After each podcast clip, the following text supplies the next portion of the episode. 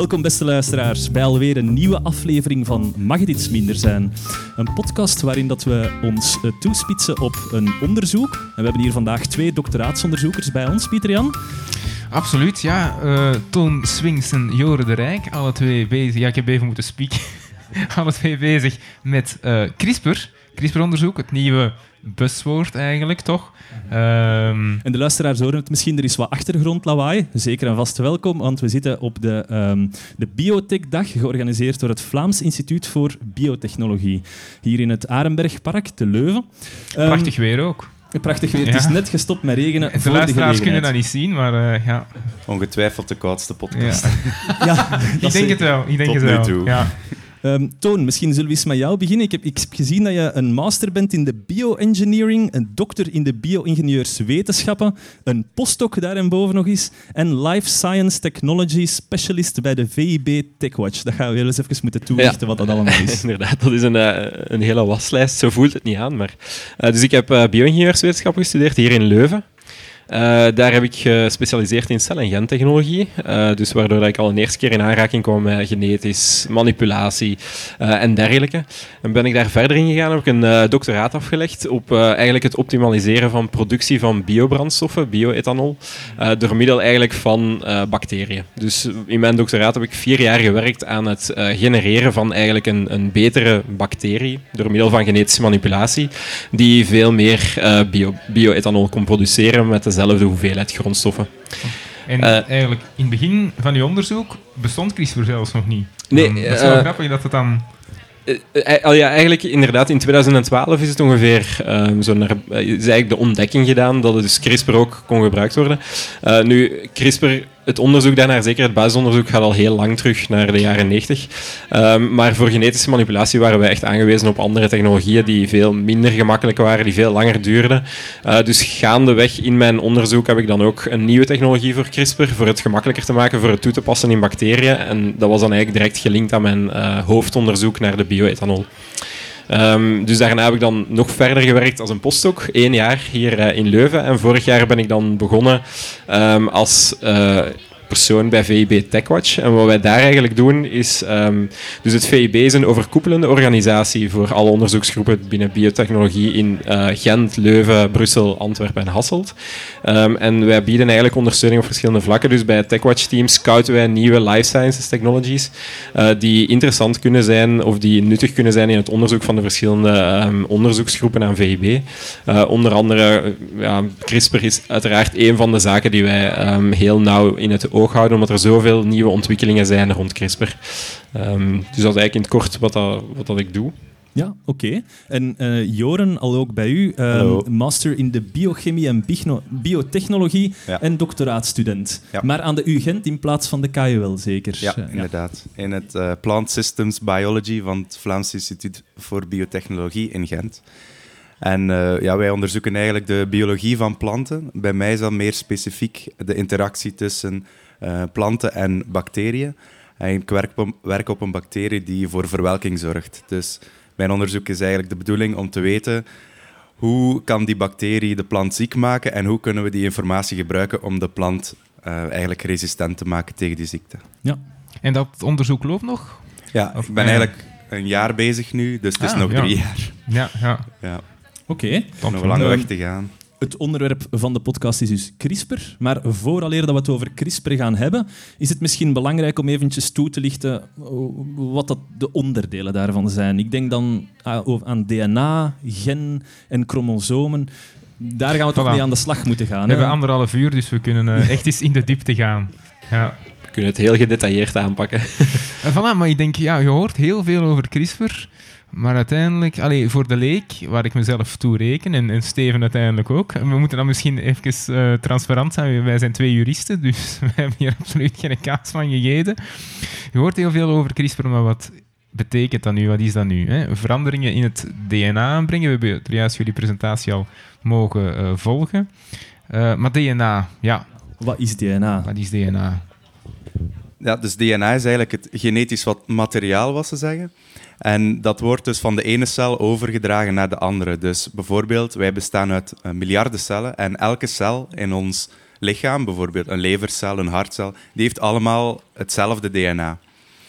Uh, en om dat naar een nieuwe cel over te brengen, moet dat DNA eigenlijk gekopieerd worden. Maar misschien eerst om te zeggen, hoe ziet DNA eruit? Ze zeggen altijd dat dat vier letters zijn. Dus ja, je hebt... Uh, inderdaad ook, ja. ja. Klopt. En dat klinkt misschien wat abstract. ja, A, C, T en G. Ja. Uh, dat klinkt wel abstract, maar dat is eigenlijk gewoon een naam dat we gegeven hebben aan een bepaalde vorm van moleculen. Dus aan zo'n base. Zo één letter is een base. En er zijn er dus vier in ons DNA. En door die op een verschillende manier te rangschikken, kun je dus verschillende, kunt je veel informatie opslaan. En dat is eigenlijk de kracht van DNA, dat dat vol met informatie zit. Ja. Dus eigenlijk, zoals je een bits hebt, één en nulletjes, en dan uiteindelijk oneindig kunt combineren en altijd unieke combinaties, dat is zo wat, maar dan met vier. Ja, in plaats van 1 en 0 heb je er dus vier, dus heb je veel meer mogelijke combinaties. En een gen is dan een combinatie van die letters om tot een bepaalde eigenschap te komen. Is dat een gen? Ja, dus uh, een gen is eigenlijk een stukje op het DNA, dus van die genetische code. Dus een opeenvolging van die lettertjes eigenlijk. Um, dat kan gaan van 300 lettertjes tot 10.000 of zelfs meer lettertjes. En de opeenvolging van die letters die zorgt er eigenlijk voor dat daar een bepaalde informatie in opgeslagen zit. Um, en dus dat stukje noemen we eigenlijk een gen. En een gen is eigenlijk een functionele deel van het DNA. Um, nu, om eigenlijk tot die functie te komen, moet, moeten die letters uitgelezen worden. Want die informatie zit daar wel in, maar vooraleer dat die functie tot, uh, tot uiting kan komen in de cel, moet die informatie uitgelezen worden. Dus dat is het proces dat we noemen transcriptie. Dus daar, worden eigenlijk, er wordt een kopie gemaakt van die letters, van een gen. Um, dus dan krijg je eigenlijk in de cel een kopie. Uh, en die kopie wordt dan eigenlijk omgevormd uh, via een proces dat translatie noemt naar een eiwit. En een eiwit is eigenlijk het functioneel deel dat eigenlijk alle functies uitvoert. Dus um, we hebben altijd als het centrale dogma van de biologie, dat is DNA, uh, de kopie dat we RNA noemen, en dan eiwit, dat is het functionele deel. Dus er, uh, het zijn niet noodzakelijk de lettertjes die naast elkaar liggen op uh, de DNA-streng. Het kan ook zijn dat er in het begin een aantal letters zijn, nadien nog een aantal letters die samen één gen vormen. Of begrijp ik dat dan fout? Um, een gen is wel, uh, ligt na, zijn, zijn letters die naast elkaar liggen, maar het kan complexer dan. Dus bijvoorbeeld in een, bacterie, een bacterieel genoom heb je eigenlijk telkens stukken waar dat e echt de opeenvolging van de letters een gen vormt. In humane genomen of in plantengenoom waarschijnlijk ook, heb je eigenlijk stukjes die um, functioneel zijn en uh, die niet, dus niet coderend DNA noemen we dat eigenlijk. En dan liggen die stukjes wel um, ja, een, een, een, een, ruimte eigenlijk van elkaar gescheiden. Ja. Misschien zeggen dat er in mensen dat er zo een 3,2 miljard letters in ons genoom zitten. Ja, oké. En, en, dus een deel daarvan is niet functioneel. Dan. Ja, en dat is eigenlijk een van de zaken waar dan nog veel mensen naar aan het zoeken zijn, want dat is daar wel. Maar wat is, wat is de functie daarvan? En Ah, dus we noemen dat op dit moment niet functioneel, maar het zou wel kunnen ja. dat het een functie heeft. Dat is gewoon omdat we zo slim nog niet zijn dat we dat maar niet... Oké. Ja. Ze hebben ooit het uh, genoom van de, mens, van de mens bepaald, dus alle lettertjes na elkaar, wat is de juiste volgorde. Uh, en ze hebben gezien dat er eigenlijk 97% van ons DNA dat we niet weten wat dat het doet. En ongeveer 3% zorgt dan eigenlijk voor die genen en voor de eiwitten die daaruit voortkomen. Dus ja. Wow. Nog veel werk te doen. Dus, Maar hoe komt dan dat we het DNA van een mens minder goed begrijpen dan het DNA van een plant? Ik heb al gehoord dat er op plantenonderzoek veel meer geweten is dan, dan dat van een mens. Ik denk dat het gaat over uh, dat een vraagstuk is van complexiteit. Um, bij een humaan genoom zijn er inderdaad zo heel veel regio's die, um, waar ze nog geen functie van weten, dus het niet-functionele gedeelte. In planten denk ik dat die er ook zeker nog zijn, maar... Um... Ja. ja, het is gewoon... Bacteriën zijn veel makkelijker te onderzoeken, omdat die enerzijds een veel kleiner genoom hebben, en anderzijds omdat die onder biologie veel simpeler is dan complexe organismen zoals planten of mensen. In, in uh, complexe organismen zoals planten en mensen zit je met verschillende chromosomen. Dus dat is dan nog eens een extra laag. Uh, dus... dat is, ja, een chromosoom dat is geen gen. Nee, uh, een chromosoom is eigenlijk een, ja, ook een, een collectie van verschillende genen, maar in één fysieke eenheid eigenlijk. Uh, dus die worden altijd vaak voorgesteld met zo'n een, een, een, kruisje. Dat is omdat het DNA eigenlijk op een bepaalde manier gaat opwinden. Uh, en Ah, dus die Dat is vouw... helix. Ja, Nee. dat is, Ah, ja. De, de helix is eigenlijk de basisstructuur van DNA, maar dus die helix gaat zichzelf ook nog eens opvouwen. Dus je krijgt eigenlijk een heel complexe structuur van vouwen. En, en de reden waarom dat dit eigenlijk bestaat, is omdat ehm, ja, DNA anders niet in zo'n cel gepakt geraakt. Ja. Ehm, Moesten we ons DNA uitvouwen en dus één lange streng van maken, dan zouden we de afstand van 600 keer tot de zon en terug hebben. Z- 600 keer. Ja, dus al, al die letters Oh, nee. moeten in één cel geraken. Dat is ongeveer een micrometer groot of zo. En, ze- en de cel doet dat eigenlijk door ehm, bepaalde eiwitten te gebruiken dat het gaan opvouwen. Het is ongeveer als een verlengdraad dat je zo kunt oprollen. Ja. En de verlengdraad is het DNA en de oprollen zijn de eiwitten om het zo dus, eh, meer compacter te Ik maken. ga, ik ga vandaag een aantal keer de IKEA-metafoor gebruiken. Ik denk dat dat dan is. Je hebt een complex organisme waarbij dat je dan verschillende bouwpakketten gaat halen in, in de rekken, die dat je dan samen moet uitvouwen tot één groot eh, organisme, laat het ons dan zo maar zeggen, om, om het toch allemaal mooi op een bepaalde eh, ruimte ingepakt te krijgen. Zoiets. Wij worden gesponsord door een IKEA trouwens. De- Eh, ja. de analogie met IKEA wordt wel heel vaak gemaakt in doctoraatspresentaties Ah, en zo. oké. Dus, Hey, Ik, ik, neem mijn woorden terug. Ah, voilà. Ja. ja, ze zeggen dat het DNA eigenlijk een instructieboekje is, waar dat alles in, in staat om je cel eigenlijk op te bouwen en bepaalde functies mee te Ik was geven. hem Dus- daarnet nog aan het zeggen, maar Ja. we laat het niet geloven. Hè. Nee, ja. Dan misschien ja. nog een kleine opmerking voordat we verder gaan. Echt de microfoon goed dicht. Dus de, je mag de microfoon bij wijze van spreken kussen. Dat is eh, gemakkelijker voor nadien in de bewerking. Nu, alvorens dat we ingaan op eh, CRISPR en de genetische modificatie, waarbij dat wij echt heel specifiek gaan bepalen hoe dat we DNA gaan veranderen, zou ik misschien eerst, ingaan, eerst willen ingaan op de natuurlijke veredeling. Hè. Hoe gaan we nu net ervoor zorgen, of Ehm Joren, je had het daarnet ook al, al aangegeven in jouw presentatie. Hoe zit het nu net, die natuurlijke mutatie en die selectie? Hoe zit die juist in elkaar? Ja, misschien eerst duiden wat dat zo de uitdagingen van landbouwers zijn, waar dat we voor staan en waarom dat ze eigenlijk met planten gaan kruisen en gaan muteren en zo. Want dus, eh, ja, landbouwers staan dus voor de uitdaging van een groeiende bevolking enerzijds en anderzijds dus de opwarming van de aarde. En om die groeiende bevolking te kunnen bijvolgen, hebben ze eigenlijk variatie nodig. Dus bijvoorbeeld planten die meer produceren, dat is een variatie die je kunt zien. Of planten die eh, meer resistent zijn tegen ziektes of zo. Dus al die uitdagingen die hebben ze. Wat dat ze nu gebruiken eigenlijk om meer opbrengst te hebben, is enerzijds om fungiciden en pesticiden en herbiciden en zo te gebruiken. eh, zodat eh, planten niet ziek worden of dat er geen andere planten beginnen door te groeien of zo. En anderzijds kunnen ze ook nog ehm, eh, meststoffen gaan toevoegen. Eh, bijvoorbeeld stikstof, dat een, een, een element is dat de plant nodig heeft om te groeien. Maar natuurlijk, deze zorgen ook voor hun eigen problemen. Enerzijds zijn die pesticiden en zo niet goed voor de landbouwer zelf, die zijn meestal niet zo gezond. En anderzijds, die, die bemest, eh, meststoffen die zijn ook niet goed voor het milieu. Dus daarom zijn landbouwers steeds meer op zoek naar eh, ja, nieuwe variatie in planten. En die variatie die zit eigenlijk in het DNA. Dus door kruisingen te maken, door die natuurlijke, eh, ja, natuurlijke mutaties eigenlijk te, te doen ontstaan, dan kun je zo van die variatie krijgen. Ja. Natuurlijke kruising bij planten, stuifmeel in een stamper. En dan krijg je 50% van de genen van de moeder en 50% van de genen van de vader. Ja, dus je hebt twee ouders. Eh, dan heb je het, het mannelijke deel, de pollen, en dan de zaadcel van de- het vrouwelijke deel van de plant.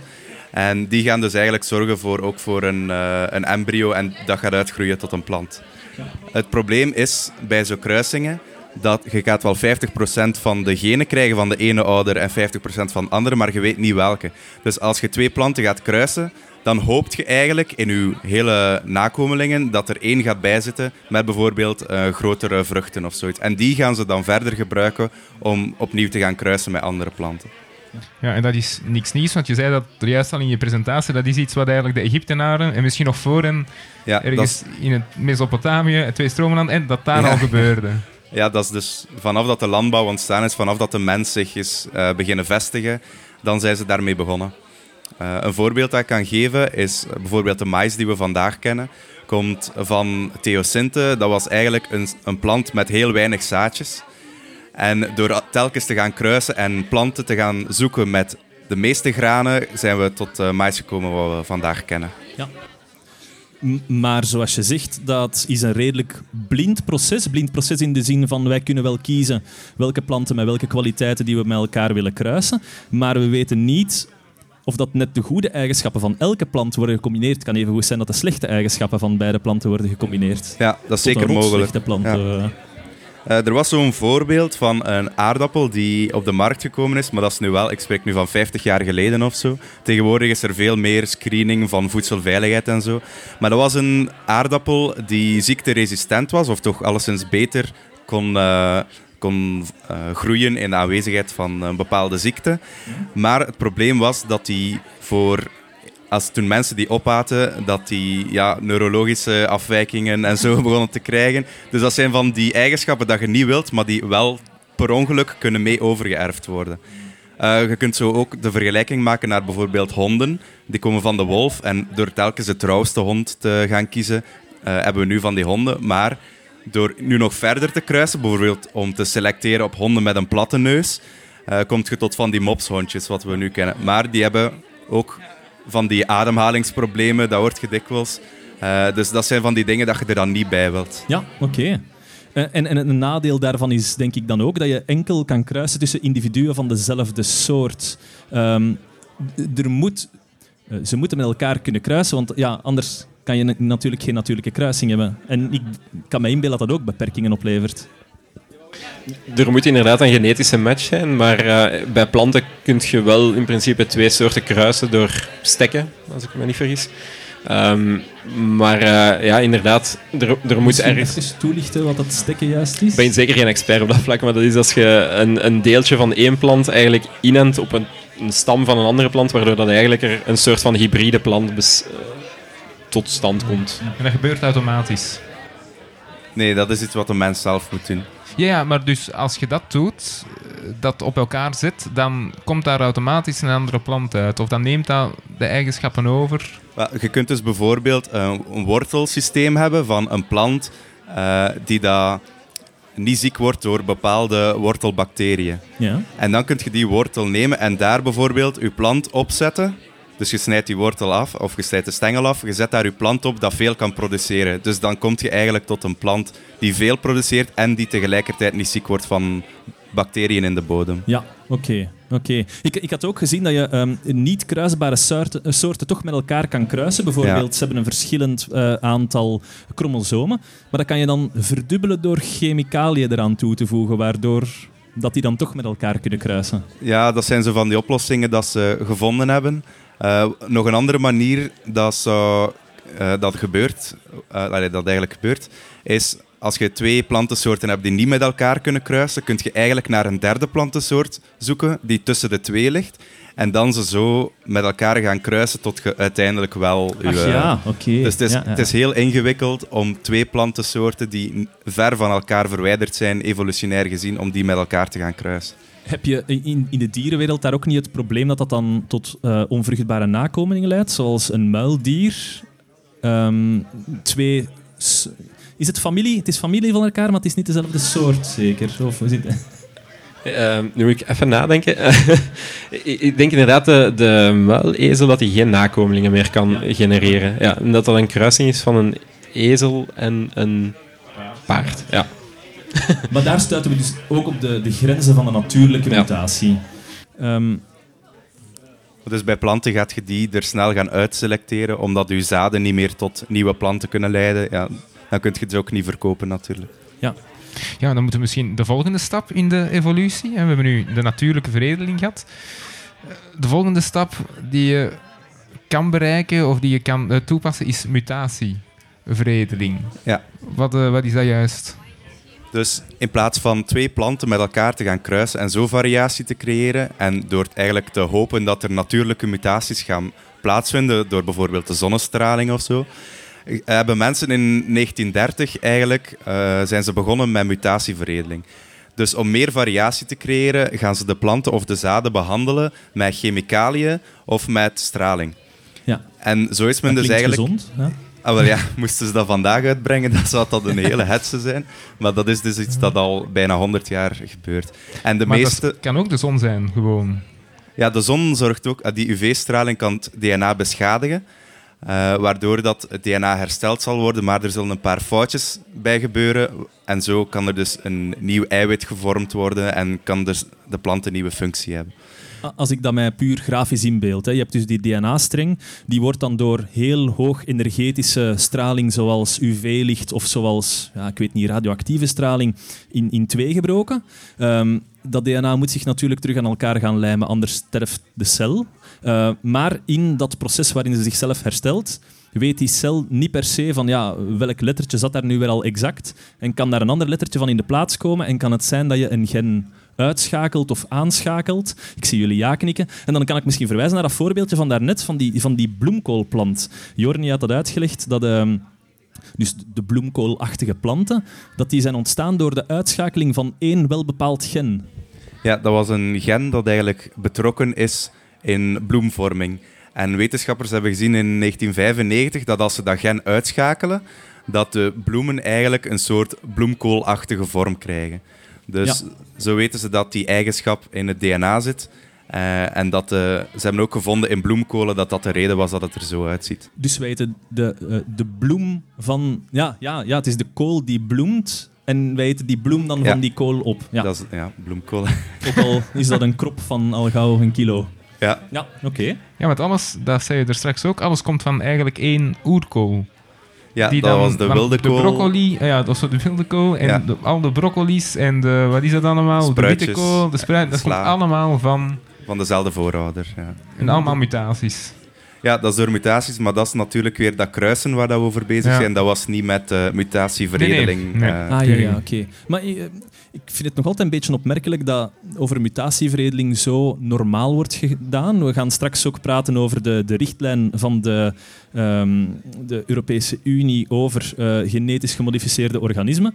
En daarin wordt er gezegd, ja oké, maar genetisch gemodificeerd organisme... Um, organisme aangepast met straling, dat valt daar niet onder. Hè. Terwijl als je dat zou gaan zeggen tegen de man in de straat, wat, dat is met straling aangepast, dan zou ik wel denken van, ja, dat is natuurlijk wel erg. Want als we gaan terugdenken aan de science fiction beelden van de jaren 60, 70, dan kijken we aan monsters die dat daardoor worden gecreëerd. Hè. Um, ik vermoed, het is een blind proces, de, de mutatieveredeling.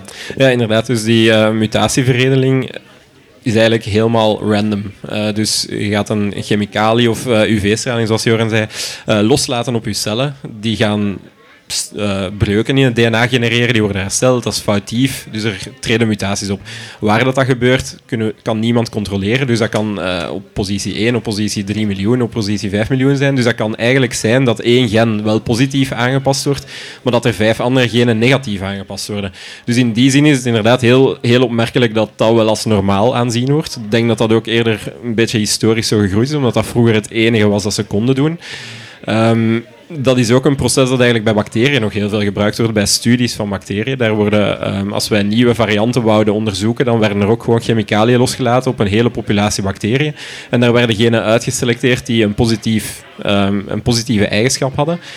Maar als we dan dat DNA gingen uitlezen, dan was dat één gen dat gemuteerd was, dat het goede gen was, maar dan waren er vijf andere die ook gemuteerd waren. En zo kom je eigenlijk tot stammen die voor één bepaald kenmerk optimaal zijn, maar die dus nog veel andere last met zich meedragen, als, als ik het zo mag zeggen, dat, waar dat we eigenlijk vanaf zouden willen. En in die zin is het eigenlijk heel opmerkelijk dat dat wel als normaal aanzien wordt.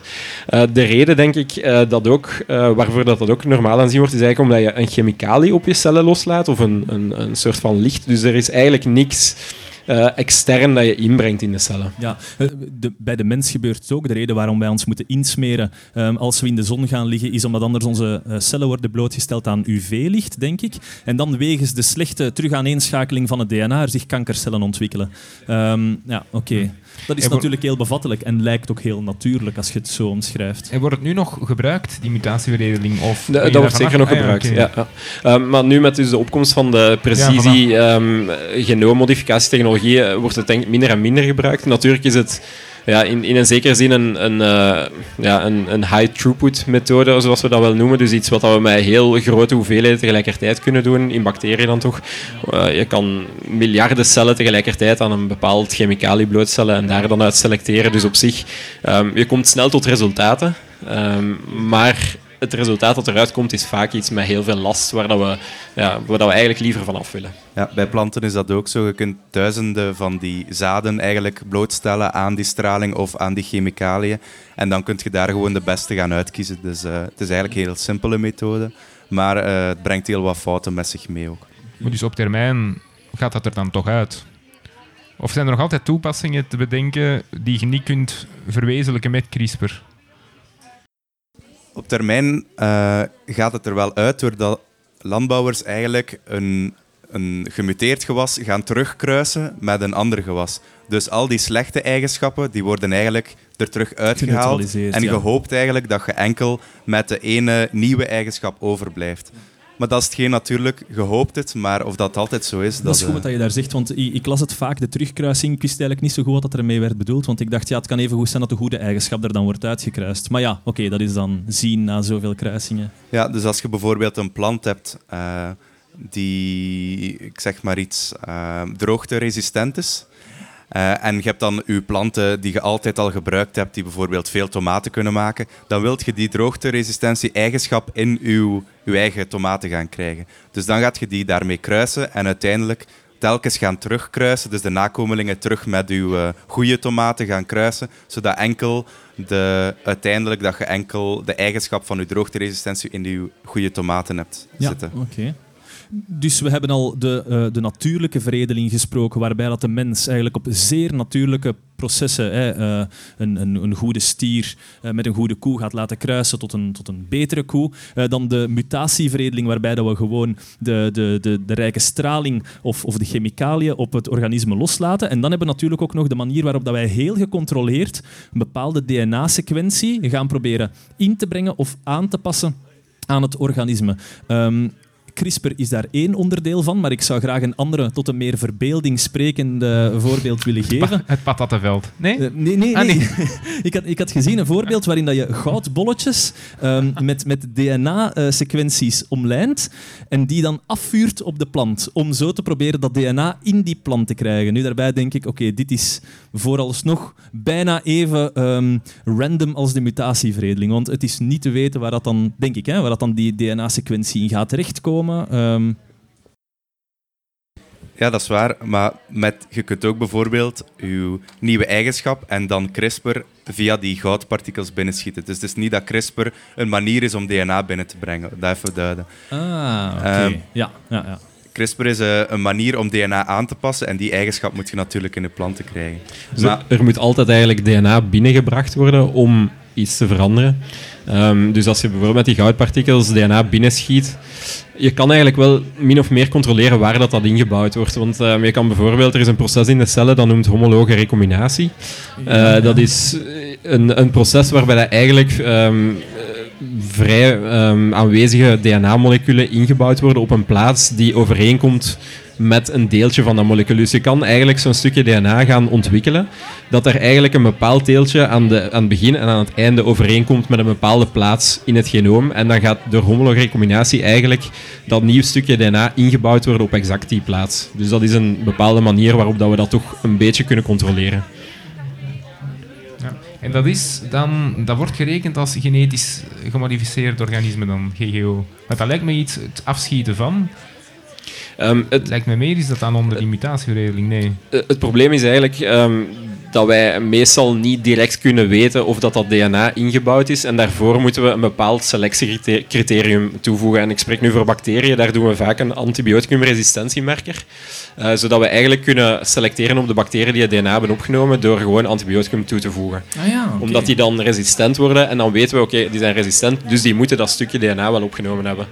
En dan laat je natuurlijk vreemd DNA achter. Dus wordt het geclassificeerd als uh, genetisch gemodificeerd organisme. Oké, okay. we zullen het misschien over dat genetisch gemodificeerd organisme, de kwalificatie daarvan door Europa, zullen we tot op het einde houden. Dat is nog een redelijk filosofische discussie, vind ik. Uh, uh, misschien, misschien wel even duiden dat uh, via die goudpartikels eigenlijk het DNA binnenschieten is één manier om het te doen. Mm -hmm. Maar ze hebben gezien dat dat met veel problemen mee komt. Bijvoorbeeld uh, het komt op verschillende plaatsen in het genoom terecht. Uh, of het komt in, als clusters voor in het genoom, dus meerdere kopijen naar elkaar. Ja. Dus daarom dat wetenschappers eigenlijk een andere methode gebruiken, en dat is met Agribacterium. Uh, dat is eigenlijk een bacterie die zijn eigen DNA, of toch een stukje ervan, kan binnenbrengen in de plant. En dat is veel specifieker en gaat niet die nadelen van dat binnenschieten met goudpartikels Ah, ja, veroorzaken. En, dus dat is, dat is een meer nauwkeurige methode, maar dan de meest nauwkeurige methode tot nu toe. Hè, het onderwerp van, van deze podcast is eh, CRISPR. En om misschien, denk ik, hè, ja, eh, en om CRISPR uit te leggen, lijkt het mij gemakkelijk om te beginnen met hoe dat het net ontdekt is. Eh, dus in plaats van te praten over al direct van we gaan genen gaan importeren, zouden we het misschien eerst beter moeten hebben over het afweermechanisme van een bacterie tegen virussen.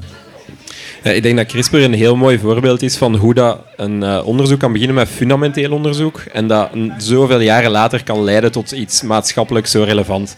Ehm, om maar reclame te maken voor fundamenteel onderzoek ook. Omdat veel mensen daar soms niet het nut van inzien, maar dat is effectief, daar begint alles Allemaal bij. Pieter Jan en ik zien het nu daar zeker en vast van in. eh. is zo dat wij ons financiering binnenhalen. Maar dus, ja, CRISPR is eigenlijk, daar, zijn mensen al op aan het werken sinds eh, 1987, als ik me niet vergis. En dan is er een onderzoeksgroep ehm, geweest die gevonden had dat in bacteriën eigenlijk eh, in het DNA een soort van herhaling voorkwam. Dus dezelfde lettersequentie die meerdere malen voorkwam. En tussen die herhalingen was er telkens een, een, een uniek stukje DNA dat ze in, initieel niet konden thuisbrengen. En dus die eh, herhaling van eh, sequenties hebben ze dan CRISPR genoemd. Dat staat voor Clustered Regularly Interspaced Palindromic Repeats. Dus dat is eigenlijk Dat is een Scrabble win. Ja. ja, een, een geclusterde, dus eh, omdat ze samen voorkomen. Ehm, en palindromic repeats, dus dat zijn die herhalingen van die sequentie die eigenlijk eh, bepaalde stukjes DNA aflijnen. En vandaar zijn we, eh, is eigenlijk het onderzoek daar verder naar, want in, initieel had men eigenlijk niet echt door waarvoor dat, dat diende. Dus dan zijn er andere onderzoekers die dat opgepikt hebben. En dan heeft men gevonden dat die unieke stukjes overeenkwamen met de sequentie van bacteriofagen. Dus van eigenlijk de natuurlijke vijand van bacteriën De virussen. virussen. Of ja, ja virussen. Dus, eh. en ehm, dus inderdaad, dan eh, had men dus gezien dat dat overeenkwam. Dus dan was eh, de vraag van ja, hoe kan dat daarin komen? En dan bleek dus eigenlijk dat het eh, dus dat DNA van die virussen.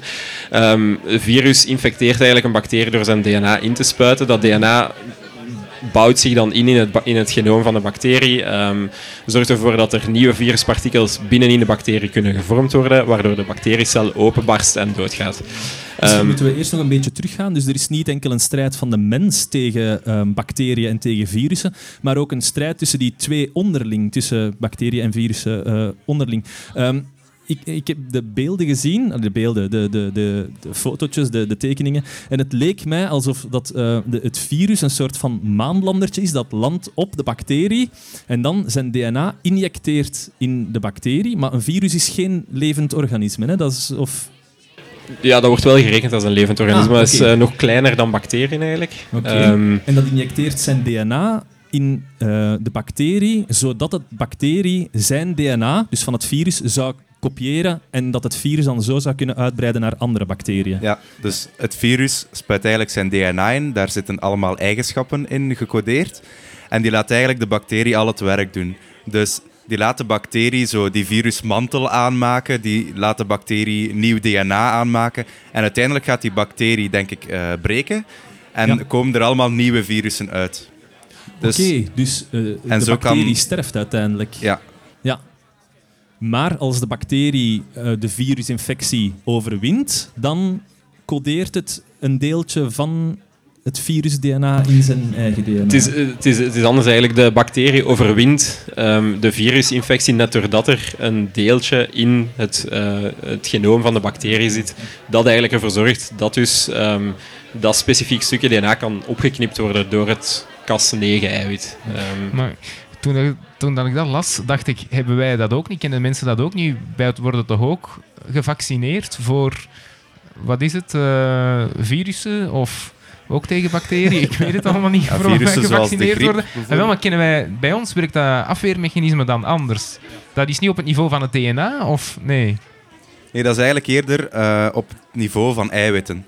Dus wij gaan eigenlijk antilichamen aanmaken tegen die indringers, tegen bijvoorbeeld het, ehm, het griepvirus.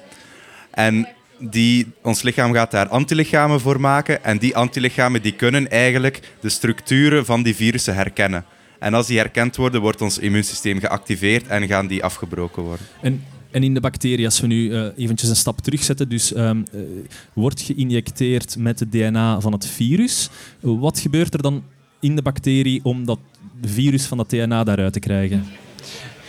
er is eigenlijk een... Uh, ja, heel dat mechanisme is nog niet 100% ontrafeld, maar ze hebben wel al gevonden dat er eigenlijk uh, bepaalde eiwitten zijn die dus zo'n vreemd DNA van een virus in stukjes kunnen knippen en dat er een soort proces um, aan de gang gebracht wordt waar dat, um, dat die kleine stukjes dat dan vrijkomen ingebouwd worden in het genoom van de bacterie, in die CRISPR-RNA eigenlijk. Um, en dus daarvoor zijn die herhalingen, dus die herhaalde sequenties dat ze ontdekt hadden, belangrijk, omdat die ervoor zorgen dat er een soort van recombinatie um, ja, uh, kan optreden, waardoor dat eigenlijk het nieuwe stukje ook kan ingebouwd worden tussen twee nieuwe herhalingen. Wacht, hè. Dat gaan we... We need to dumb this down, want anders begrijp ik het niet. Um, kan ik het vergelijken? Ik heb het op internet al gelezen hoor, maar je moet gewoon zeggen of het waar is of niet. Met de de Ctrl-F-functie van een Word-bestand. Stel u voor dat uw DNA een Word-document is en je zegt tegen uw afweermechanisme zoek naar deze combinatie van letters. En als je die vindt in het Word-document, wat dan? Dan moet je die... Knip het kapot. Knip het kapot, ja. Dus, u, dus dus het DNA van het virus staat opgeslagen in het DNA van de bacterie. Um, het uh, CRISPR-mechanisme gaat op zoek in de hele cel van de bacterie naar een DNA-structuur die lijkt op wat dat het staat in zijn eigen DNA, wat het eigenlijk een voormalig virus-DNA is. En als hij dat tegenkomt, dan knipt hij dat in stukken en dat is dan het Cas9-eiwit. Oké. Ja, Cas9, Cas9 gaat met behulp van dat stukje uh, genetisch materiaal van het virus eigenlijk het virus herkennen en dat gaan knippen. Maar het knipt het virus, niet zijn eigen. Nee. Het DNA van het virus gaat het knippen. maar dat zit dan nog niet geïncorporeerd in zijn eigen DNA. Dat is daarvoor, je stap daarvoor nog. Wanneer het in de cel, zoals, het met de, zoals de metafoor van Steven, als het met maanlandertje binnenkomt, dan op die moment gaan ze al knippen.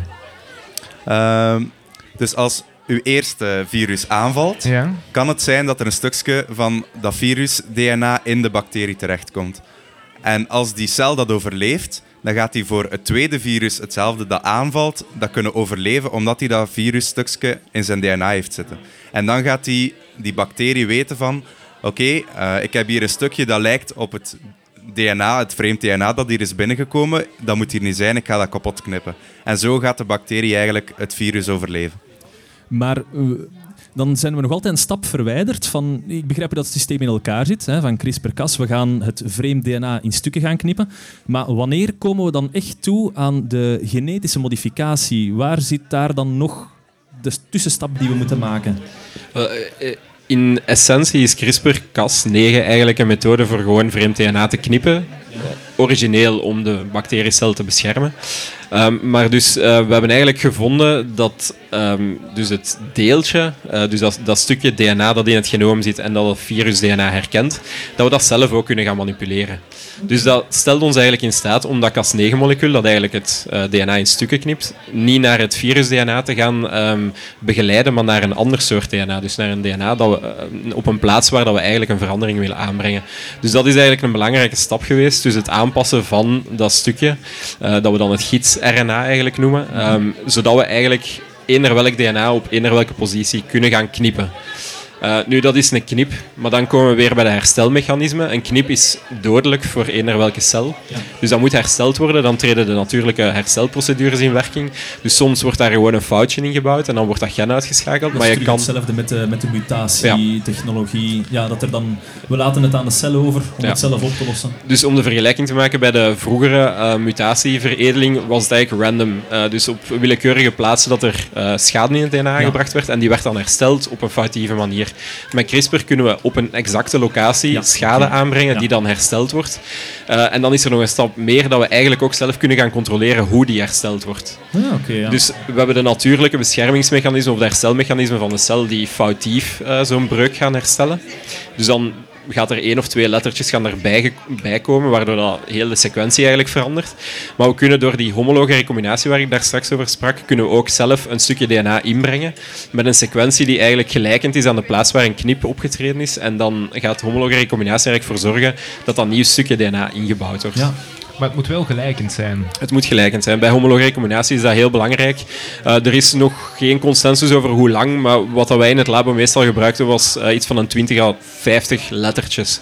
Die gelijkend moesten zijn aan de plaats waar dat de knip eigenlijk opgetreden is. Zeg, in zo'n kas, dat is dan wel specifiek iets dat je in bacteriën vindt. Dat is iets, uh, zo die Cas9, dat is iets dat echt... Het knipmechanisme is Het knipmechanisme, ja. Dus dat, dat, is specifiek voor bacteriën. Um, ze hebben dat origineel ontdekt in Staphylococcus pyogenes. Uh, dat is de, de eerste bacterie waarin dat ze dat gevonden hebben. En um, er zijn eigenlijk nu onderzoeken die zeggen dat ongeveer 50% van de bacteriën, dat ze daar al zo'n systeem gevonden hebben. Maar er is recent een paper eigenlijk uitgebracht waar dat ze eigenlijk zeggen dat maar 10% van alle bacteriën um, zo'n CRISPR-systeem bevat. Dus daar is nog niet echt heel duidelijk. Ja. Um, en wat dan met de rest? Er zijn uh, bepaalde andere immuunsystemen Okay, um, ja. voorhanden, zoals uh, restrictiemodificatie is een van die systemen. Ja. Um, Ja. Maar dus die hebben alternatieve systemen om ook bescherming te bieden. En, en als ik dan terug eventjes verwijs naar ons Word-document. Dus we hebben het, het Word-document waarin dat eigenlijk de instructie zit voor de cel om ehm, eigenlijk de instructie voor het gehele organisme in stand te houden. Hè. Eh, de kleur van de plant is groen. En dan staat daar dan groen in het Word-document. Heel, heel basic. En dan kunnen wij zeggen, ja, zoek in het Word-document waar dat er groen staat, verander dat door rood.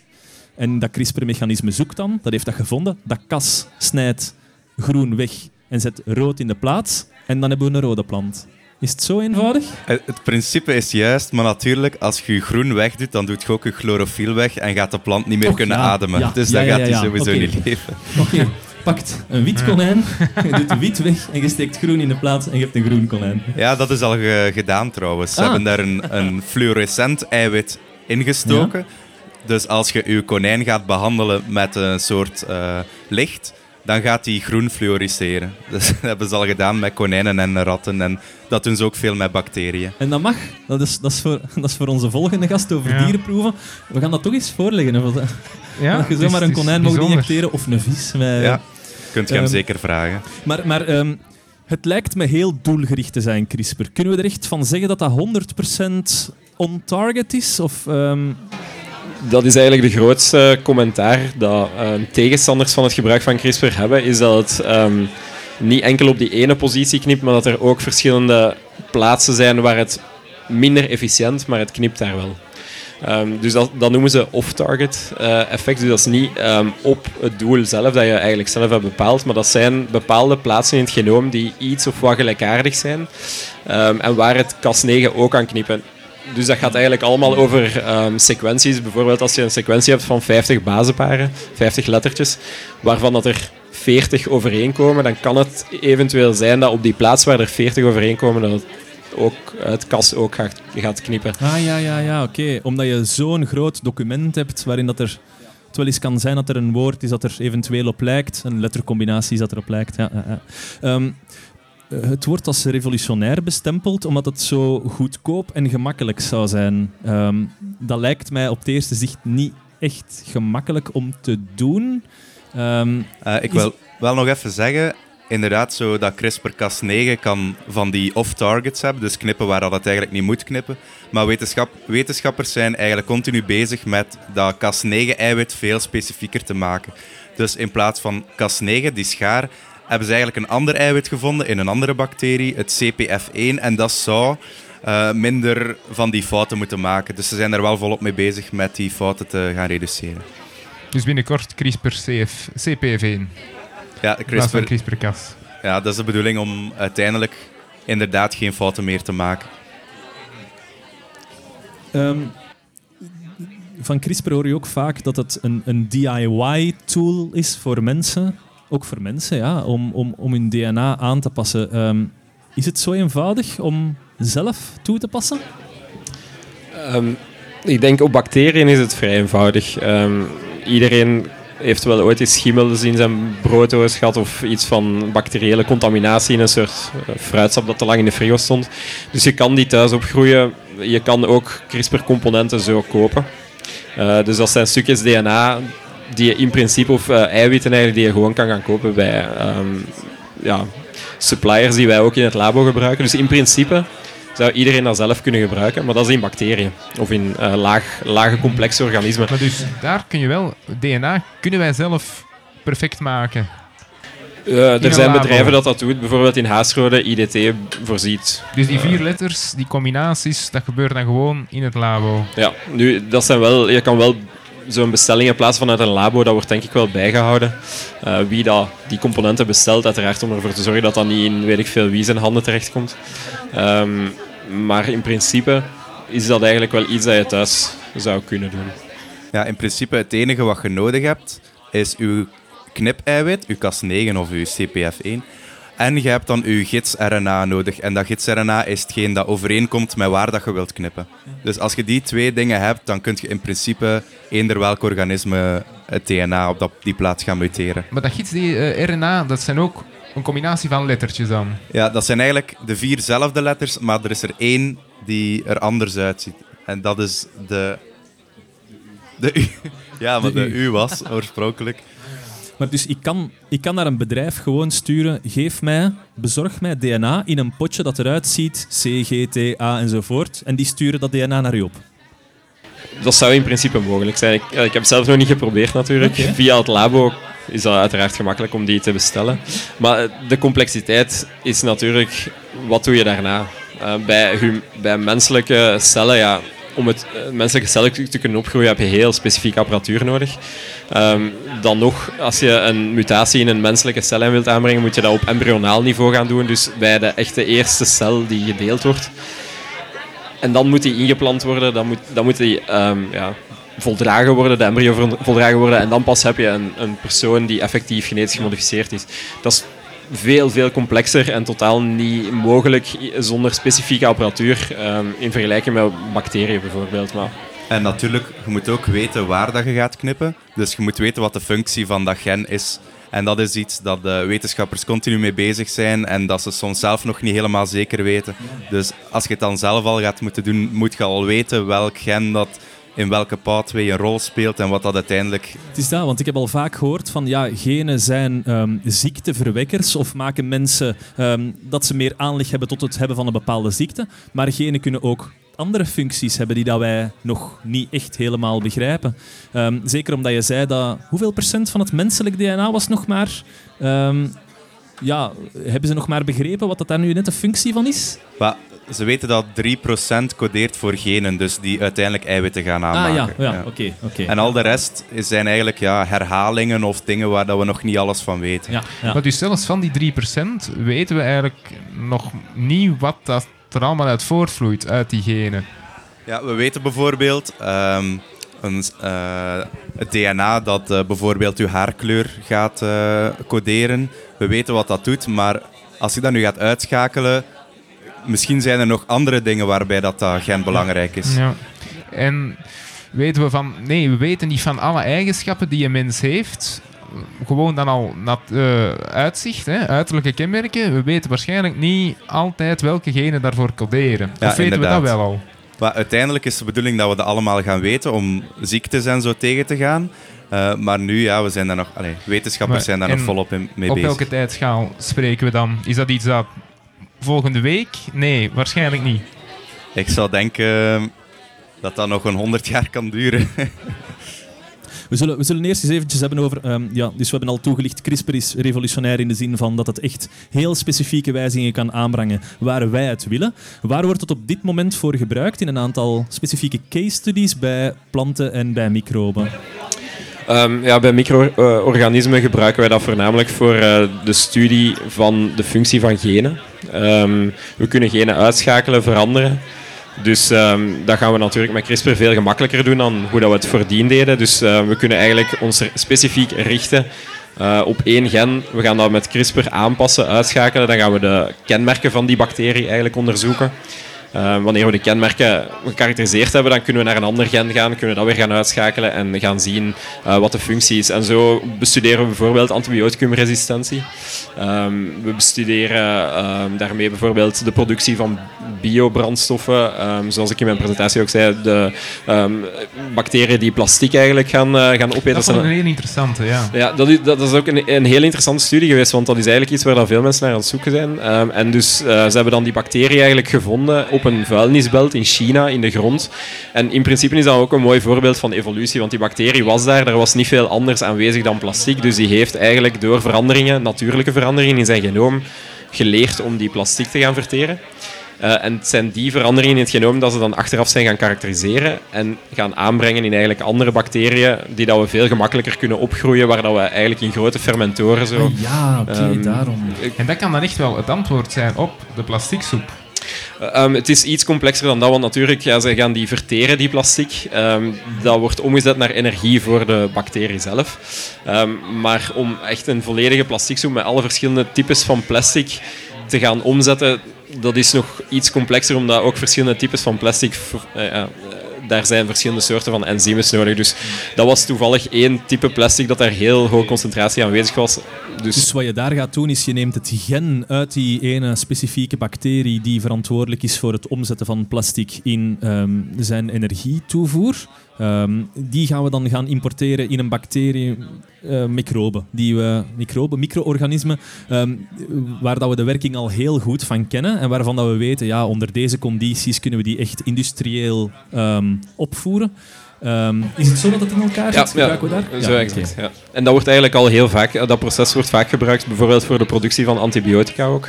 Um, daar worden ook degenen die eigenlijk zorgen voor de aanmaak van die antibiotica, die vaak uit schimmels of gisten komen, die worden dan in um, bacteriën vaak E. coli, Escherichia coli, dat is eigenlijk het werkpaard van de, uh, de microbiologie wordt dat daar ingebracht en dan wordt dat in grote fermentoren eigenlijk gaan, uh, gaan opgegroeid en dan worden die enzymen die uitgescheiden worden door die bacteriën gaan, gaan opgezuiverd om te gebruiken. Ja, in... dus dat je geen schimmels nodig hebt om antibioticum ja. te maken, maar um, bacteriën. Ja, want ja. in het algemeen is eigenlijk alles wat we in het wild vinden, is heel moeilijk om mee te werken. Um, ah, oké. Dus dat, dat ja, vereist heel specifieke um, omstandigheden, vochtig klimaat, droog klimaat, temperatuur. Ja, al, al, die zaken beïnvloeden natuurlijk hoe gemakkelijk dat je uh, met een bacterie kunt werken of met een met een gist of een schimmel.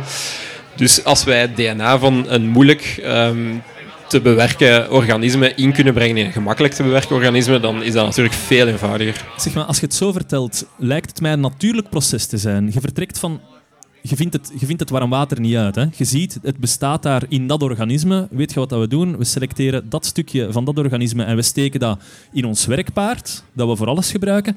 En voilà, we hebben de oplossing. Dat lijkt mij, dat is straks, we zullen dat straks bespreken in de Europese case, um, dat lijkt mij een natuurlijk proces te zijn, maar dat blijkt toch niet zo te zijn volgens de, volgens de Europese Unie. Um, ik heb u daarnet ook zien zeggen dat we het gebruiken in bier om hop uit te schakelen in ons productieproces. Nu, ik weet dat... Ik ben van Steenuffel. Hè, we hebben een aflevering gedaan met Stijn Mertens over bier en biergist. En in Steenuffel staan een aantal hopranken. Uh, dat is notwaar ongelooflijk duur. Hoe hebben ze dan nu voor zo gezorgd dat, dat je hop kan uitschakelen in het bierproces? Uh, in die studie hebben ze eerst het genoom van de hopplant eigenlijk gekarakteriseerd. En um, ze zijn daar ook door middel van genetische studies gaan uh, proberen achterhalen welke stukjes van het DNA dat eigenlijk instonden voor het aanmaken van die aromacomponenten, die zo karakteristiek zijn voor hop. Uh, eens als ze die stukjes gekarakteriseerd hadden, uh, zijn ze die eigenlijk via CRISPR gaan inbrengen in de, de gewone bakkersgist of de gist die gebruikt wordt in bierbrouwen. Um, en er op die manier eigenlijk voor gezorgd ja, dat die gist die aromacomponenten zelf ook kon aanmaken. Dus, Alright. En ook ziekenhuisbacterie, dat ben je ook mee bezig? Dus uh, resistent tegen antibiotica? Ja. Um, dus ja, antibioticumresistentie is eigenlijk iets uh, dat heel veel voorkomt tegenwoordig in ziekenhuizen. Dus dat wil eigenlijk zeggen dat een bacterie niet meer afgedood wordt door een uh, antibioticum. En antibioticumresistentie treedt eigenlijk op van het moment dat er uh, één verandering aan optreedt in het DNA. Dus bijvoorbeeld het antibioticum werkt in op um, de celwand van, van de bacterie. Uh, als er een bepaald gen uitgeschakeld wordt dat die specifieke target in de celwand niet meer aangemaakt wordt, dan werkt het antibioticum ook niet meer natuurlijk. Uh, en we weten eigenlijk die stukjes DNA uh, die instaan voor die antibioticumresistentie, dus we kunnen die ook specifiek gaan targeten met CRISPR-Cas om het ofwel kapot te knippen, ofwel om het gewoon te gaan diagnosticeren. Dus dat is eigenlijk een tool die ondertussen al ontwikkeld is. Dus dat men specifieke stukjes eh, DNA die eigenlijk binden aan, um, aan dus die antibioticumresistentiegenen gaat inbouwen in CRISPR-Cas en dat men zo op die manier eigenlijk kan gaan zien zijn er resistente eh, bacteriën aanwezig of niet. Maar wat ik daar niet begrijp is, ik denk dan aan een praktische toepassing. Je hebt iemand die bij u komt en die heeft een infectie met een eh, bacterie die eh, resistent is voor antibiotica.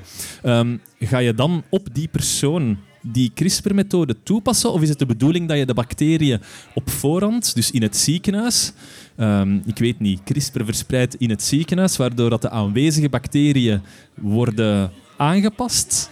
Eh, ik, ik, ik zie het praktisch niet zo goed voor mij. dat Ja, ik begrijp u volledig. Dat, dat, het is in, in de praktijk ook helemaal niet zo evident om dat aan te brengen. Eh, men staat zeker nog niet zo ver dat men gewoon CRISPR kan gaan inbrengen in een persoon die geïnfecteerd is met een ziekenhuisbacterie. Maar wat dat men wel kan doen, is bijvoorbeeld als men weet voor antibioticum A is ehm, resistentie wanneer dat gen A aanwezig is, dan kan men met CRISPR eigenlijk eh, gaan eh, onderzoeken of dat gen A aanwezig is in die patiënt. En dan we- weet men eigenlijk op voorhand al dat men antibioticum A niet moet toedienen, maar eerder naar antibioticum B moet gaan. Ja, oké, natuurlijk. Ja, ja, ja. En dan zijn er ook veel, veel toepassingen in de plantenwereld. Misschien allereerst, ik heb het er juist al gezegd, dat patattenveld. Ik wil daar toch eens even naar terug. Was dat nu CRISPR of hè, enkele jaren geleden dat onderzoek van de KU Leuven, waar dat dan een stormloop op is georganiseerd, de planten uit de grond zijn gesleurd. Ik denk dan aardappelen, men noemt dat altijd patattenveld. Ja, ja, ja. Maar was dat CRISPR? Ehm, daar ben ik niet zeker van. Het zal alleszins genetisch gemodificeerd zijn. Maar, dat is dus ook, ook met mais gebeurd en zo. Dus dat wetenschappers eigenlijk het effect van CRISPR willen testen. En dat er dan activisten komen die eigenlijk het veld gaan vernielen. Waardoor dat wetenschappers niet weten ja, allee, dat ze de informatie er niet meer kunnen uithalen. Dus Want zo'n gouden rijst en zo, hè, dat, zijn, Ja. dat is CRISPR. Dat Gouden rijst is niet met CRISPR Ah, gedaan. nee. Dat is, eh, maar met een andere methode dat eigenlijk ook DNA heeft binnengebracht in, eh, in rijst. Dus dat was een, een gen dat ze hebben binnengebracht. ehm, dat codeerde voor de aanmaak, of meerdere genen, zodat uiteindelijk uw rijst meer beta-carotene ging aanmaken. En dat ging dan zorgen, ja, beta-carotene heb je nodig voor je ogen of zoiets. En dan, eh, ja, als je dus altijd rijst eet zonder beta-carotene, dan gaat je uiteindelijk blindheid en zo hebben. Dus door die gouden rijst te maken, is dat eigenlijk een, een probleem voor al die ja, blinde mensen die, die dat ontstaan zijn door een, een, eenzelfde dieet te hebben. Ja, ja, ja. Ehm, de voordelen dus van, van CRISPR in, in het plantenonderzoek zijn... ehm, het is veel meer gericht dan, dan de mutatietechnologie, waarbij je kan zeggen, kijk, ehm, zelfs al hebben we maar één nakomeling, het gaat direct bonk erop zijn zonder eh, ongunstige neveneffecten die dat we wel hebben bij die mutatietechnologie. Een ander voorbeeld zie ik ook, dat zijn de voetafdrukvrije DNA-bewerkingen. Maar dat begrijp ik niet helemaal wat daarmee wordt bedoeld. Ehm, de voetafdrukvrije DNA-bewerking, daar willen ze eigenlijk mee zeggen dat er in principe geen ehm, vreemd DNA moet ingebracht worden. Dus als we weten bijvoorbeeld in een gen dat op positie 25 ehm, er een lettertje moet veranderd worden omdat het eiwit dat uit dat gen volgt eigenlijk beter te doen functioneren, dan kunnen we met CRISPR ook effectief dat één lettertje gaan veranderen zonder dat er iets anders eigenlijk in de cel aanwezig moet zijn. En dan is het eigenlijk het proces van natuurlijke mutaties die optreden versnellen. Want dan weten we eigenlijk op voorhand, we gaan die mutatie aanbrengen. Uh, we doen dat gewoon van dag 1 op dag 2. En dan hebben we eigenlijk een plant waar dat misschien met natuurlijke mutatie het heel lang zou duren voordat die ene um, optreedt. Dus dat bedoelen ze met voetafdrukvrij. Dus het feit dat je eigenlijk geen sporen nalaat in het DNA. Omdat er eigenlijk enkel maar één letter veranderd wordt, maar dat kan evengoed door een natuurlijke mutatie opgetreden zijn. Ah, zo, ja. Maar zeg, als we dan zoveel voordelen zien en tot nog toe zo weinig nadelen, um, is het dan niet Nobelprijswaardig om... Um... Uh, ja, dat is, een, dat is een goede vraag. Dus uh, van van, vanaf de ontdekking eigenlijk zijn zij telkens genomineerd geweest voor de Nobelprijs, maar tot nu toe nog niet gewonnen. Uh, de reden is eigenlijk omdat um, de drie uitvinders, dus uh, Jennifer Doudna, Emmanuel Charpentier en Feng Zheng, uh, die hebben alle drie patenten. in Amerika, in Europa. Er zijn heel veel patentdisputen aan de gang die nog niet beslist zijn. En ik denk dat de Nobel prijscomité dat die zoiets hebben van we gaan wachten tot effectief. Ja, tot ja. Ze weten niet aan wie van de drie dat ze het moeten geven. Of... Maar ze kunnen toch het aan alle drie geven, hè? Ja, van mij mag dat. Nee, maar dat gebeurt toch vaak dat de ja. Nobelprijs aan meerdere mensen wordt gegeven? Of is dat een probleem? Nee, dat gaat volgens mij zeker gebeuren, want ik zie niet in. Ze hebben alle drie effectief hun uh, verdiensten gehad. Um, Maar er komen nog heel veel andere eh, spelers ook bij kijken die ook claimen om een bepaald deeltje van heel dat systeem te hebben ontdekt. En daardoor is het eigenlijk, dat is, een van de meest complexe patentvelden van het moment. Ja. Het is ongelooflijk als je de evolutie ziet. Hè, in 1953 of zo zeker, dat DNA eigenlijk is blootgelegd. Allee, of dat een helixstructuur, hè, die een dubbele helix. Of 62, bon. En dat we dus nu 50 jaar later, een dikke 50 jaar later, 60 jaar later, eigenlijk op, op het niveau van het DNA zijn aan het spelen en veranderingen zijn aan het aanbrengen en nieuwe organismen zijn aan het creëren. Ja, en Dat is ik denk dat- ongelooflijk. Dat, dat is inderdaad ongelooflijk en dat is, ehm, voor wetenschappers is dat fantastisch. Want wij doen niet liever dan in het DNA gaan aanpassingen aanbrengen en gaan kijken wat dat eigenlijk doet. Maar voor eh, de publieke opinie is dat natuurlijk ook angstaanjagend. Want ja, je gaat rommelen met eigenlijk de kern van organismen. En ik denk dat daar zo'n beetje de, ehm, momenteel nog zo de discrepan- di- discrepantie zit tussen de publieke opinie en de wetenschappelijke opinie. Ja, maar natuurlijk, ik had hier net ook gezegd, dat, dat ze, we zijn dat eigenlijk al 10.000 jaar aan het doen, aan het rommelen met het DNA. Dus deze techniek, het CRISPR, is eigenlijk veel specifieker. We weten waar dat we de aanpassingen gaan doen. En dan gaan we al die negatieve bijeffecten eigenlijk gaan elimineren. Ja, dat is, dat is eigenlijk de perfecte segue naar ehm, het arrest van het eh, Hof van Justitie. Ehm, Denk ik. Hè? Ehm, eh, we gaan eventjes, eh, Pieter, Jan en ik, wij komen vanuit de juridische insteek, dus dat geeft ons misschien een klein beetje eh, weerwerk. Sorry. Er, er, is een, er is een GGO-richtlijn hè, van Genetically Modified Organisms. Dat is de richtlijn 2001-18-EG voor de mensen die dat willen opzoeken. En volgens die richtlijn is het niet echt verboden om ehm, organismen genetisch te modificeren. Maar als je kiest om dat te doen, zijn er daar heel strenge gevolgen aan verbonden. Zoals bijvoorbeeld een standaard toelatingsprocedure, de raadpleging en de voorlichting van het publiek, de monitoring en de verwerking van nieuwe informatie, etikettering, vrij verkeer enzovoort. Het is een enorm pak eh, voorwaarden dat erbij komt als iets wordt gekwalificeerd als genetisch gemodificeerd organisme. Nu was er een zaak in Frankrijk voor de Raad van State waarin dat een... ehm, een, een, een bio, ehm, eigenlijk een organisatie van bioboeren ging vragen van ja, hoe zit het nu eigenlijk? Eh, vallen CRISPR-methodes onder die GGO-richtlijn? En dan moest het Hof van Justitie zich daarover uitspreken. Het Hof van Justitie gaat de richtlijn nalezen en zegt ja, volgens ons valt CRISPR, althans de organismen die gewijzigd zijn met CRISPR, onder de GGO-richtlijn. Nu, ehm, wat dus wilt zeggen, als wij maïs of zoiets, of, of tomaten, of, of zelfs die gist die dat voor bier kan worden gebruikt, ehm, met CRISPR gaan wijzigen, ehm, voor al die positieve doeleinden die dat we daarnet hebben besproken, ja, dan moet hij die hele procedure gaan doorlopen. En we weten gewoon uit de praktijk, voor een KMO is dat onmogelijk, omdat het een zodanig brede procedure is. En laat ons eh, zelfs nog voor de grotere bedrijven, eens dat de publieke opinie dat weet en dat er labels zijn opgepast genetisch gemodificeerde organismen, dat heeft een enorme negatieve bijklank. Dus hoe kijken jullie daarnaar ehm, vanuit de wetenschappelijke wereld naar dat arrest van het Hof van Justitie?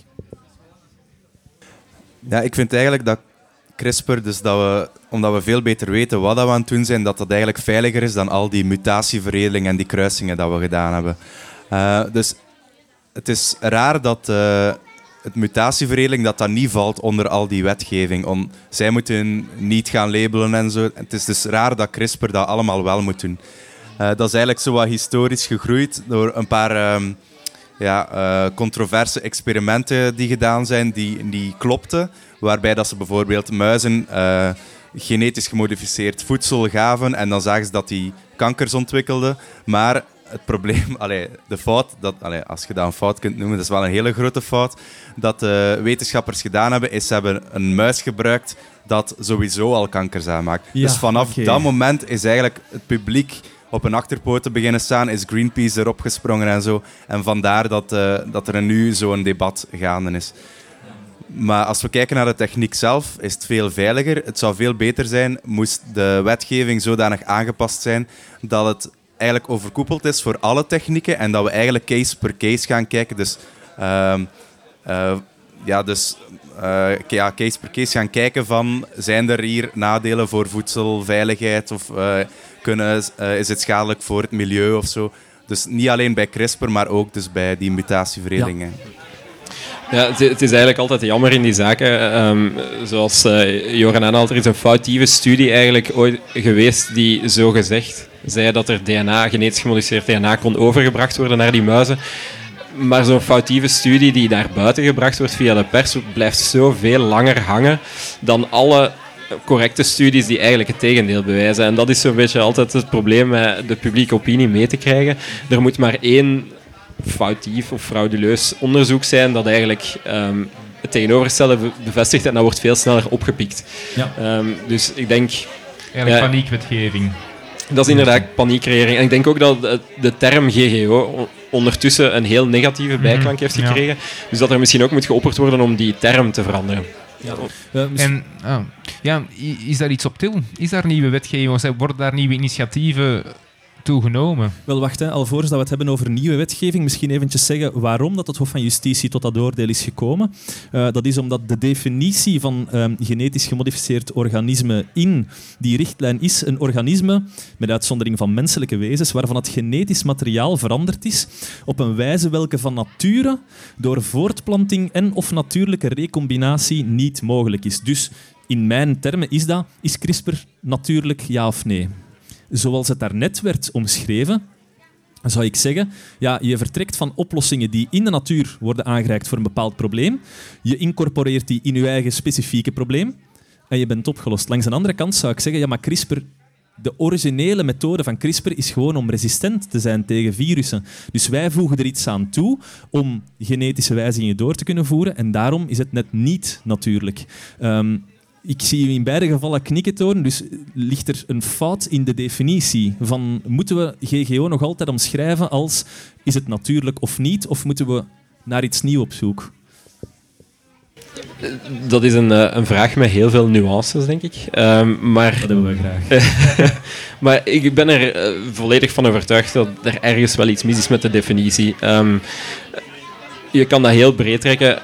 Eender welke toepassing dat wij in een, in een labo doen op, op het genoom van organismen is in principe onnatuurlijk, want wij doen er zelf iets aan. Maar langs de andere kant moet je het vergelijken met wat dat er niet onder die definitie valt. En als je dat gaat doen, dan zie je wel dat de zaken die niet onder de definitie vallen, zoals dan de, de mutatieveredeling, dat die even goed ehm, ook niet natuurlijk zijn in, Ja. in dat opzicht. Ehm, Om dus een praktisch voorbeeld te geven, als ik een gist in een bier zou steken die met CRISPR heel specifiek is aangepast, zou ik dat moeten labelen op mijn etiket.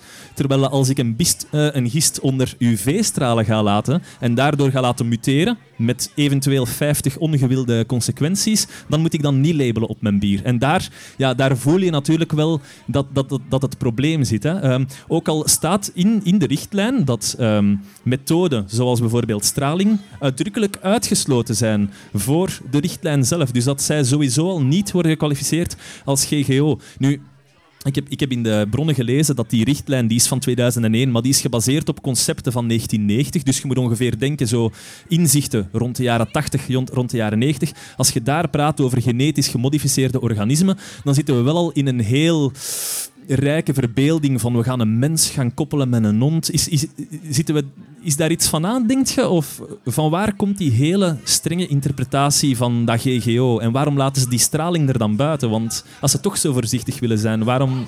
Dus in principe op eh, wetenschappelijk vlak is zo mutagenese, dus zaden of planten of bacteriën behandelen met straling of met chemicaliën, is dat ook genetisch modificeren van die organismen.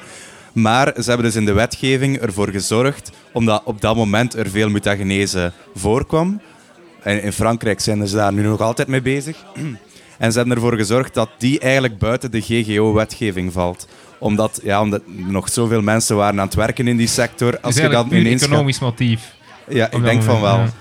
Ja, eh, socio-economische reden, omdat eigenlijk eh, we gaan die muta mutagenese technieken gaan we er niet bij horen, hoewel dat ze er in principe bij horen.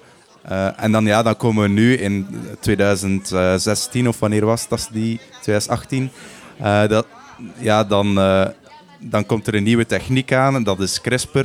En dan, ja, in principe is dat genetisch modificeren van organismen. Ja, die gaan we dan een andere wetgeving geven. Dus.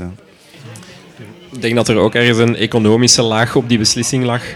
Ehm, als in, met CRISPR gewassen optimaliseren is een, een kostelijke zaak. Dus dat kleine KMO's dan niet zouden kunnen betalen, dat de grote bedrijven daarmee gaan lopen, monopolie eh, creëren, waardoor dat we ze eigenlijk ook schrik hadden op termijn als we dat gaan toelaten.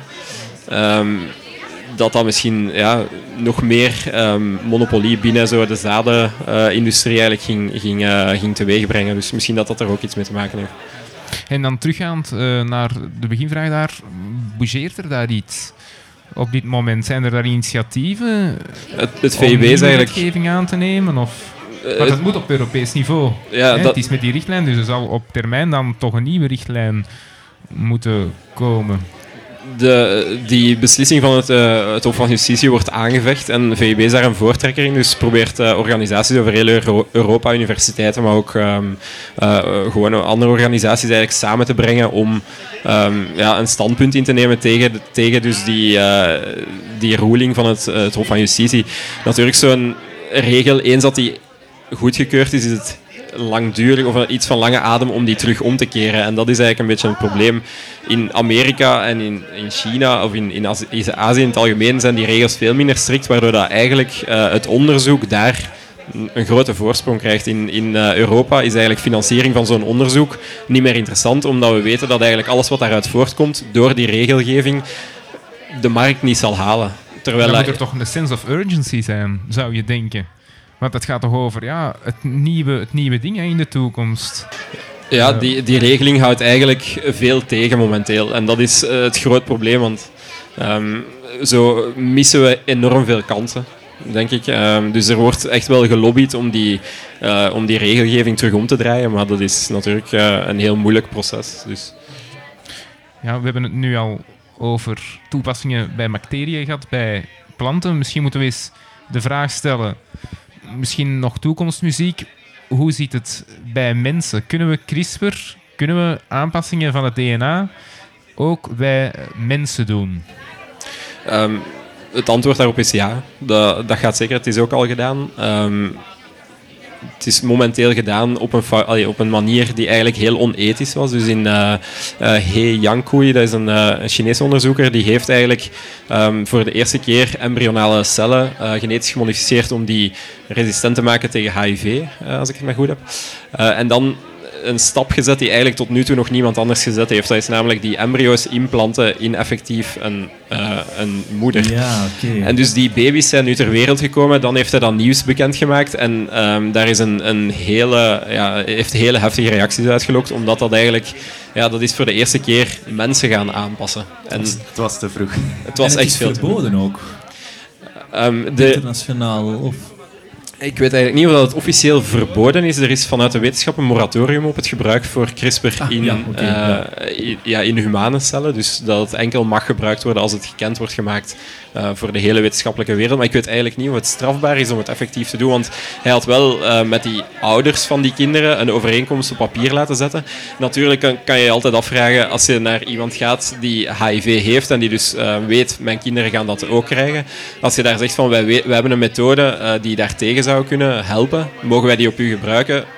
Gaan die waarschijnlijk wel ondertekenen. Dus we weten natuurlijk niet hoeveel informatie dat er gegeven is over alle mogelijke bijwerkingen. Ehm, dus er zijn bijvoorbeeld nu ondertussen eh, papers uitgekomen waar dat ze zeggen dat die eh, kinderen bijvoorbeeld een, een minder lange eh, levensverwachting hebben.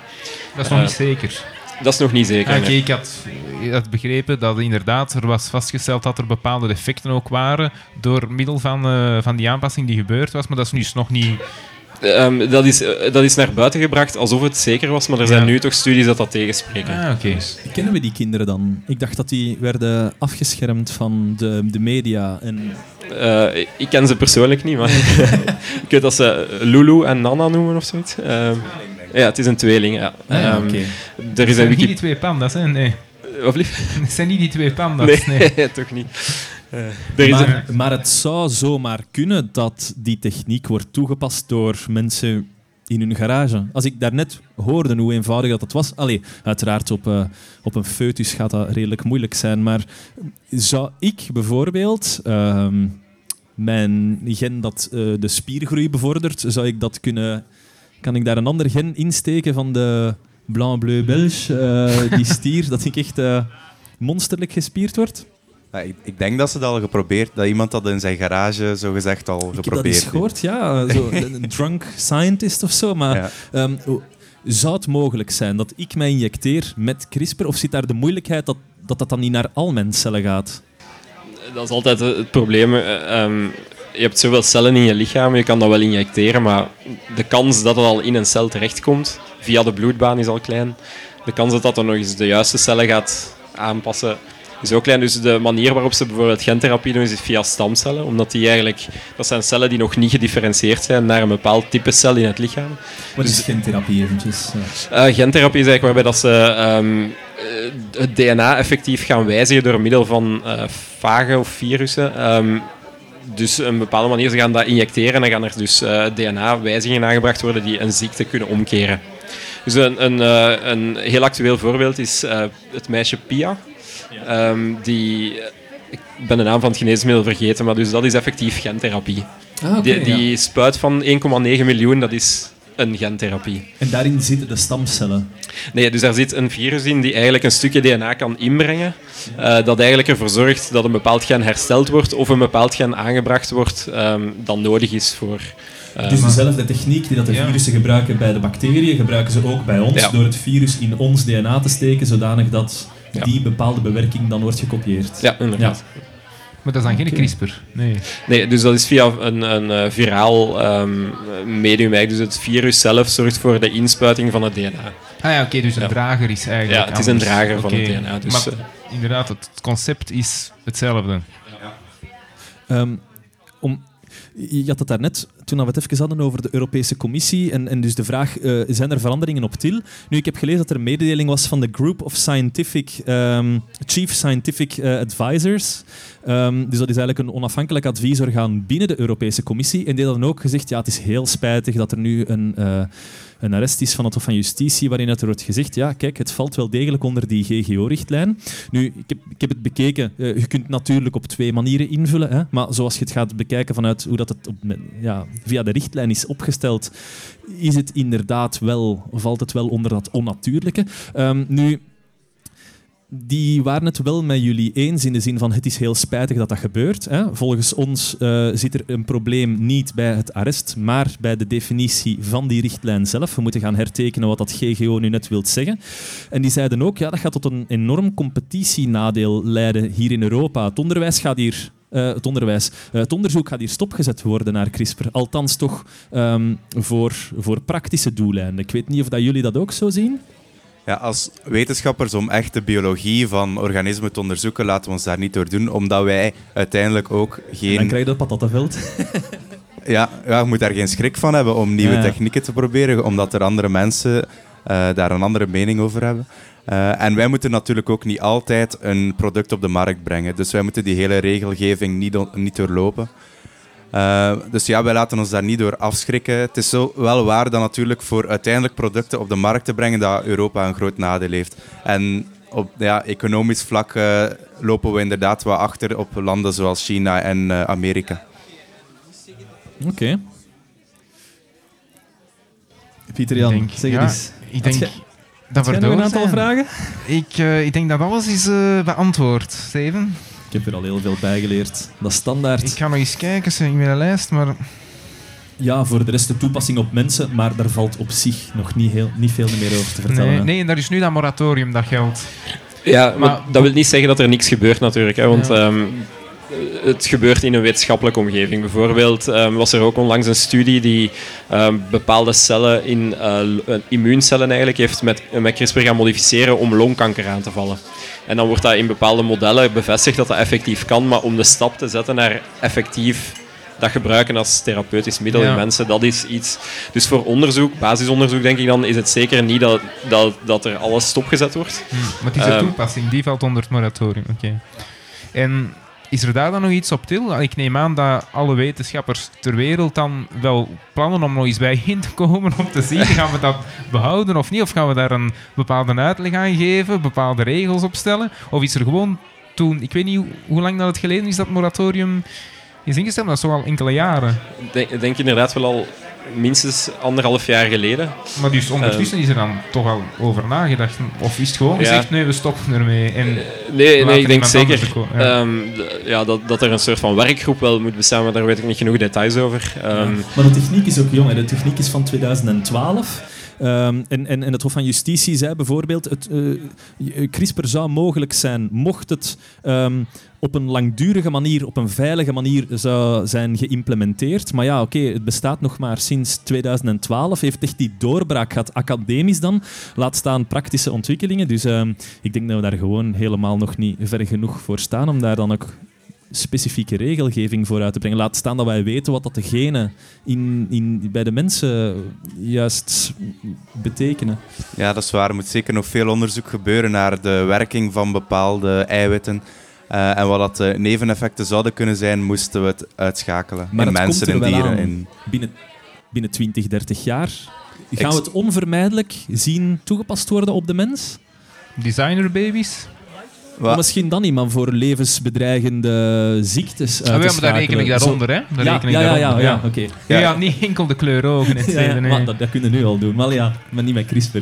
Ah, is dat waar? Ja, ze, ze lezen het DNA uit en dan selecteren ze gewoon de Ja. embryo. Maar ja, Nee, maar inderdaad, ik denk wel dat we naar, naar zo'n maatschappij gaan waarbij dat we de ja, genetische overdraagbare ziektes gaan aanpassen, zodat eh, de, ja, de baby's of de uiteindelijke mensen daar geen last van hebben. Dat is dan toch ook... Waar trekt de grens? Want gisteren eh, stond er nog op de, de site van de redactie iemand die eh, genoeg had met vier uur slaap. En dat was dan blijkbaar ook iets gelinkt aan DNA, aan de genen.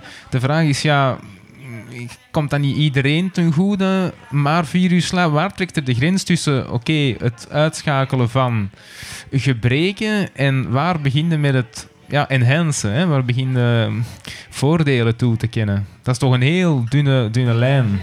Ja, ik denk dat er weinig, eh, momenteel nog weinig ziektes zijn die echt terug te brengen zijn tot één specifieke verandering. En zoals bijvoorbeeld weinig slaap nodig hebben, is denk ik een eh, multigen fenotype. Dus iets met heel veel verschillende genen. Dus dat is niet zo eenvoudig om dat gewoon van de ene persoon in de andere over te brengen.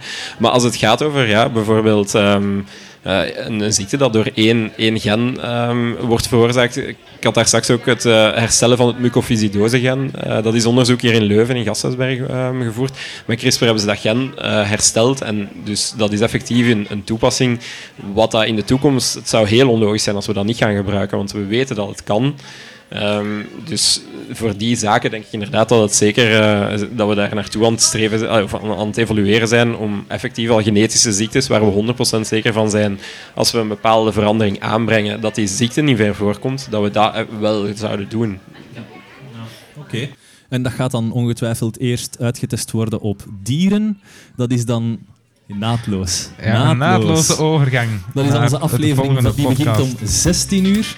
Er zijn nog maar weinig mensen hier aanwezig om jullie een applaus te geven. Maar ik wil toch vragen, Ja. Toon Swings en Joren de Rijk, dank u wel om hier te zijn. Applaus voor onze gasten, Ja.